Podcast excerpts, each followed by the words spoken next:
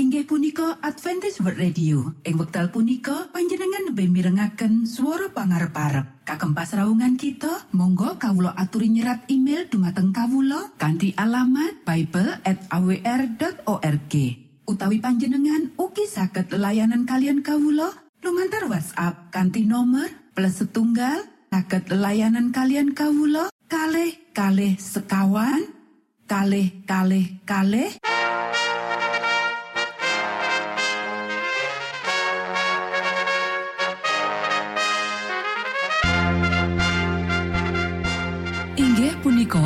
Adventist World Radio ingkang giaran kanti basa Jawi. Tentrem Rahayu Kulo aturaken kagem poro Mitra kinasih ing pundi papan lan panggonan. Sugeng pepanggian malih kalian Adventist World Radio. Kanti bingahing manah Kulo badi sesarengan kalian poro Mitra kinasih lumantar saperangan adicara ingkang sampun rinonci mligi kagem panjenengan sami. Mugi giaran punika saged migunani tuwin dados berkah kagem kita sedaya. Sugeng midhangetaken Gusti amberkahi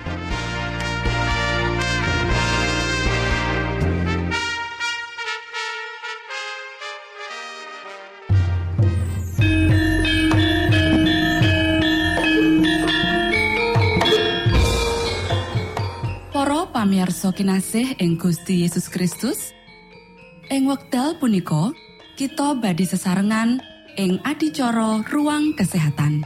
Ingkang saestu migunani kagem panjenengan soho kita sami. Tips utawi pitedah ingkang dipun aturaken ing program punika tetales dawuhipun Gusti ingkang dipunyatakaken ing kitab suci. Semantan ugi sakehing seratan ingkang dipun wangsitaken dening Gusti Allah. Nanging saderengipun monggo kita sami midhangetaken kidung pujian.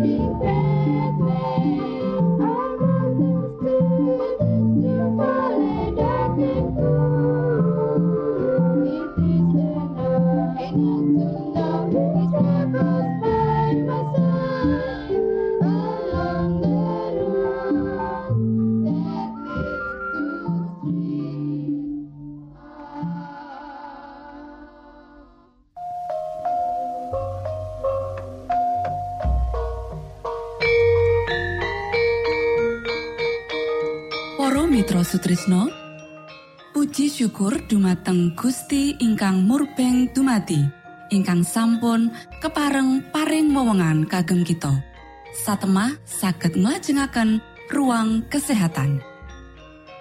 Pirembakan kita semangke kanthi irah-irahan.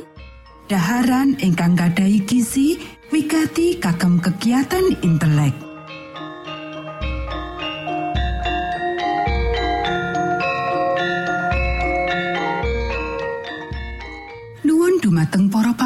pamiarsa kakung saha putri ingkang dahat kinurmatan. Sugeng pepanggian malih kalian kula Isti Kurnaidi ing adicara ruang kesehatan. Dinten punika kanthi irah-irahan daharan ingkang gadai gizi wigati kagem kegiatan intelek. Para sedherek ingkang kinasih wonten ing Gusti Yesus, Monggo kita maos dawuh pangantikanipun Gusti wonten ing kitab Daniel pasal setunggal ayat wolu. Ono dene Daniel putus ora bakal najisake awak kalawan daharani sang Prabu sarta anggur kang adate diunjuk dening sang Prabu. Mulane nyuwun marang kepalaning punggawa kraton mau supaya ora usah najisake awake. Para sedherek ingkang kinasih, intelekipun manungsa ketah manggihaken pewiaran, kegiatan, kelantipan lan aktif. Menika ketah dipun latih makaryo aurat utawi menika badhe dados ringkih lan boten efisien. Kegiatan otak dipun perloaken kagem menggalih ingkang saestu temen-temen. Kegiatan otak ketah dipun latih kagem ngrampungaken perkawis-perkawis aurat lan ngendhaleni. Menawi boten, kegiatan lan toyo otak kagem menggalih dados ringkih lan nusut. Otak ketah nyiptakaken makarya lan kelut saklebetipun maringi keuletan lan kegiatan kagem intelek. Lan menawi perangan badan boten dipunjagi saklebetipun kawontenan paling kepak kasarasan lumantar daharan ingkang ngandhut gizi, otak boten nampi bagianipun gizi kagem makarya. Para sedherek ingkang kinasih, Daniel mangertosi menika. Piyambakipun bekta dirinipun piyambak dumateng setunggalipun daharan ingkang cedha, prasaja, ngandhut gizi, lan nampik mumbra-mumbrunipun saking mejanipun Sang Prabu. Daharan panutup ingkang mendhet wekdal kadah kagem nyawisaken kathahipun ngrisak kasarasan. Daharan-daharan atos betahaken dipun mamah pada saka langkung sae tinimbang bubur utawi daharan awujud cairan sanesipun. Kulo menggalihaken bab menika setunggalipun ingkang wigati sanget. Para sedherek ingkang kinasih, intelek punika dipun cakit terus wungu kanthi makarya kepaing mana, tekun lan enggal. Kados pundi menika saged tumados? Kegiatanipun Sang Roh Suci ketah murnekaken penggalih lan ngresikaken jiwa saking moral ingkang najis. Pakulintenan najis boten namung ngandhapaken martabat jiwa, ananging ugi ngandhapaken ajinipun intelek. Engetan sengsara dipun paringaken sainggilipun mitzvah dasar tindakan-tindakan ingkang nyakitaken.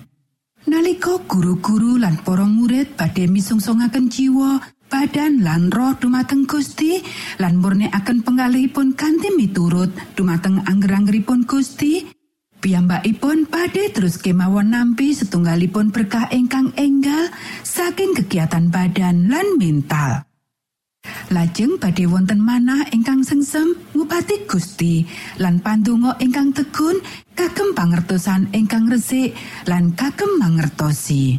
Para sedherek ingkang kinasih, tekun sinau inggih menika wigati sanget lan tekun makaryo setunggalipun penggalih ingkang seimbang biasanipun boten dipun panggihaken nalika ginakaken kegiatan-kegiatan badan kagem panglipuran makaryo badan ingkang dipun gabungaken kalian latihan mental kagem perkawis-perkawis mikunani inggih menika setunggalipun latihan saklebetipun praktik pagesangan asring dipun manisaken dening gambaran ingkang memantes lan melatih penggalih uki badan langkung sae kagem nindakaken pakaryan ingkang Gusti sampun rancang supados kita tindakaken wonten ing maneka warni pakaryan. Kanti mekaten, penggalih dipun didik kagem ngrausaken kawontenan badan saklebetipun praktek pagesangan dados kawiyaraken. Lan lumantar budaya ugi latihan disiplin sae lan dipun piranteni kadah kagem ingkang migunani lan angsal setunggalipun pangertosan ingkang wigati supados ndadosaken setunggalipun pitulungan lan berkah kagem dirinipun pribadi lan tiang sanes. Matur nuwun Gusti amberkahi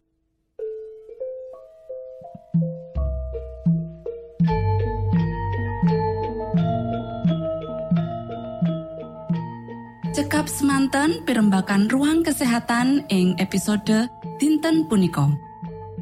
Ugi sampun kuatos jalaran kita badi pinanggih malih ing episode sak lajengipun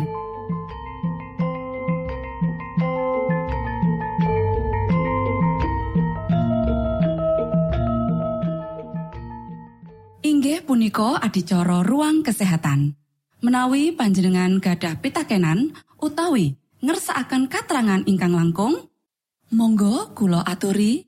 Kinton email dateng alamat ejcawr@ gmail.com utawi lumantar WhatsApp kanti nomor 025 pitu 00 songo songo papat 00 pitu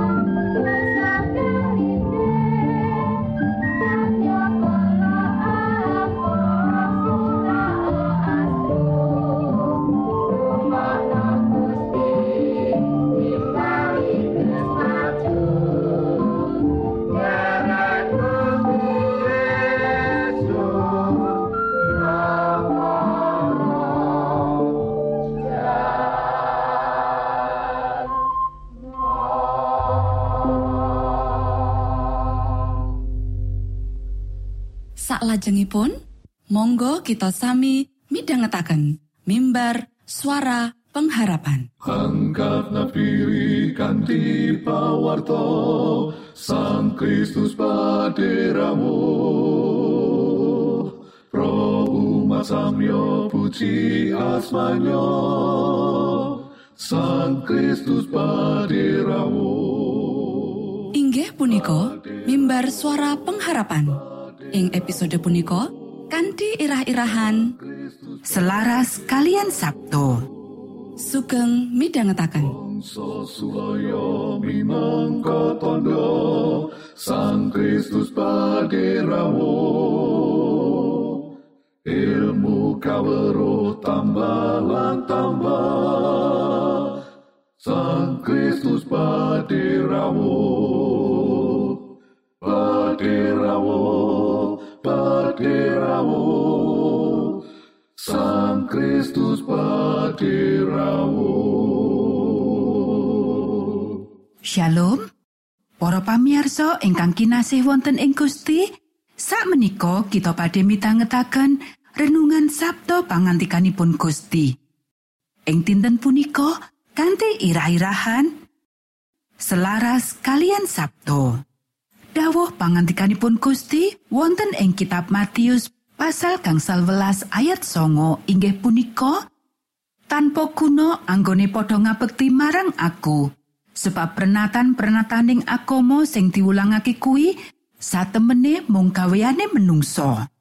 Para sedherek ingkang kinasih panjenengan panjenenganipun ingkang kasdu pengin pirsa kaleresan boten perlu ajrih niti preksa sabdanipun Gusti Allah Anamung nalika murwani niti preksa sabdanipun Gusti Allah Para pangupados kaleresan ketah nilaraken sedaya cupriya lan meper sedaya panimbang saderengipun lan bikak talingan mirengaken swantenipun Gusti Allah saking utusan dutanipun. Pemanggih-pemanggih ingkang dipun remeni adat padatan lan pakulintenan ingkang panjenengan tindakaken kaasta kagem kadadar kalian Sabtu suci. lan menawi oto sabtanipun Gusti Allah boten ngeparengaken pemanggih-pemanggih panjenengan pramila kagem jiwa panjenengan sampun kalawan Sabtu suci. Kados dene kadah tiang lampahi kagem nglebur jiwa-jiwanipun amargi maringi paseksen ingkang nyataken kalepatan-kalepatanipun. Mugia pitangletan panjenengan injih menika punapa to kaleresan menika Sanes punapa ingkang ngantos sepriki kula pitados dados kaleresan sampun merdosaken Sabtu suci salebetipun pangertosan panjenengan saderengipun lan negesaken bilih sawetawis doktrin saking titah menungso ingkang onyo menika kaleresan. Mugia pitangletan panjenengan mekaten. Menapa ingkang kadhawuhaken Sabtu suci?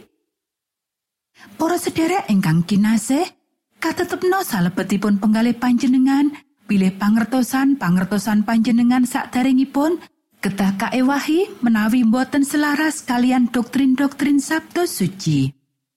Panjenengan katimbalan kagem ngutamekaken pambudidaya pambudidaya tegun menapa menika kaleresan. Menika sampun ngantos kakalih setunggalipun syarat sarana ingkang awrat. Amargi kita boten dipun timbali kagem makarya awrat pikantuk berkah-berkah katonyan sawetawis. Lan sampun ngajeng-ajeng manggihaken kasugihanipun kasuwargan kejawi kita purun duduk tambangipun kaleresan menika lan gladi sedaya kegiatanipun penggalih lan mana supados mangertos. Para sedherek ingkang kinasih ingkang waspada menawi boten panjenengan mau sabtanipun Gusti Allah salebetipun pepadang pangandaran palsu. Amargi mekaten menika tiang-tiang Yahudi damel kalepatan agengipun panjenengan-panjenenganipun ngaturaken bilih boten pareng wonten pangandaran kitab suci ingkang penten kalian pangandaran ingkang sampun diparingaken kalian para nabi ing warsa-warsa saderengipun lan sawetawis panjenengan-panjenenganipun ngatahaken padatan lan jarwo dosok jarwo dosok lan kabuntel dening kasucen Sabtanipun Gusti Allah dados kirang pengaruhipun lumantar peradatanipun. Lan menawi Gusti Yesus Kristus sabdanipun Gusti Allah menika sampun rawuh wonten jagat titah manungsa temtunipun kecalan sedaya pangertosan perkawis Gusti Allah ingkang estu. Para sedherek ingkang kinasih, menika rancangan jlimetipun iblis kagem mlawuraken sabda suci lan nuntun kita mangun wewangunan sabdanipun Gusti ingkang klentu. Sedaya seratan perkawis kapitadosan, sedaya doktrin, lan wiyosipun kapitadosan kados pundi kemawon sak tanggunganipun ngantos sak menika kakalih suci ketah dipun tolak menawi nyingkur kalian pangandikan prasaja sabdanipun Gusti Allah. Monggo kita sami ndedonga. Duh Rama kawula ingkang wonten ing swarga, asma patuko mugi kasucikaken. Kraton patuko mugi rawuh. Karso patuko mugi kalampahan wonten ing bumi kados dene wonten ing swarga. Kawula mugi kaparingan rejeki kawula sak cekapipun ing dinten punika. Soho patuko mugi ngapunten kalepatan kawula kados dene kawula inggih ngapunteni tetiang ingkang kalepatan dhateng kawula. Punapa dene kawula mugi sampun ngantos katandukaken dhateng ing panggoda nanging mugi sami patuko uwalaken saking piawon. Awit dene patuko ingkang kagungan kraton saha wiseso tuwin kamulyan salami napinipun. Amin.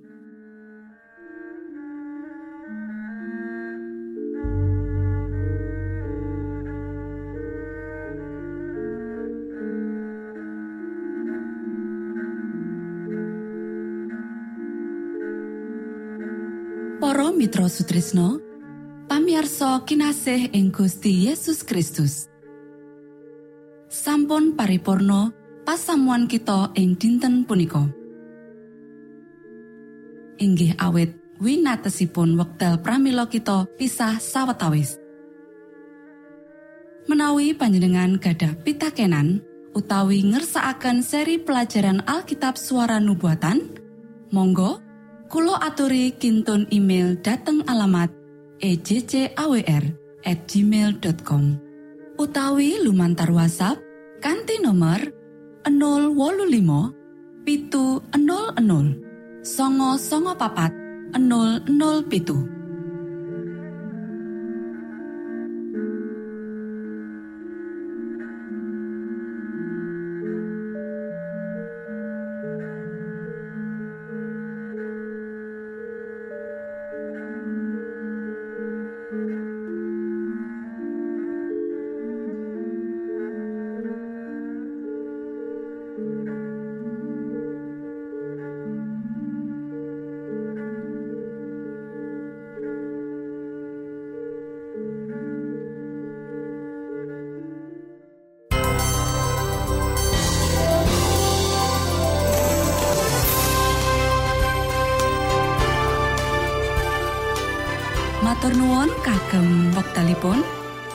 badhe pinanggih malih ing gelombang ugi wekdal ingkang sami.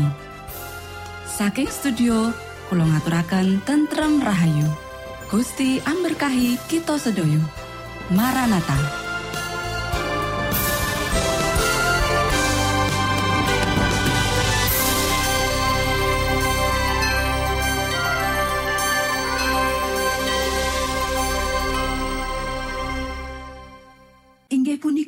Adventist World Radio. Ing wekdal punika panjenengan lebih mirengaken suara pangarep-arep. Kagem pasraungan kita, monggo kawula aturi nyerat email dumateng kawula kanthi alamat bible@awr.org. Utawi panjenengan ugi saged layanan kalian kawula lumantar WhatsApp kanthi nomor plus setunggal saged layanan kalian kawula kalih kalih sekawan kalih kalih kalih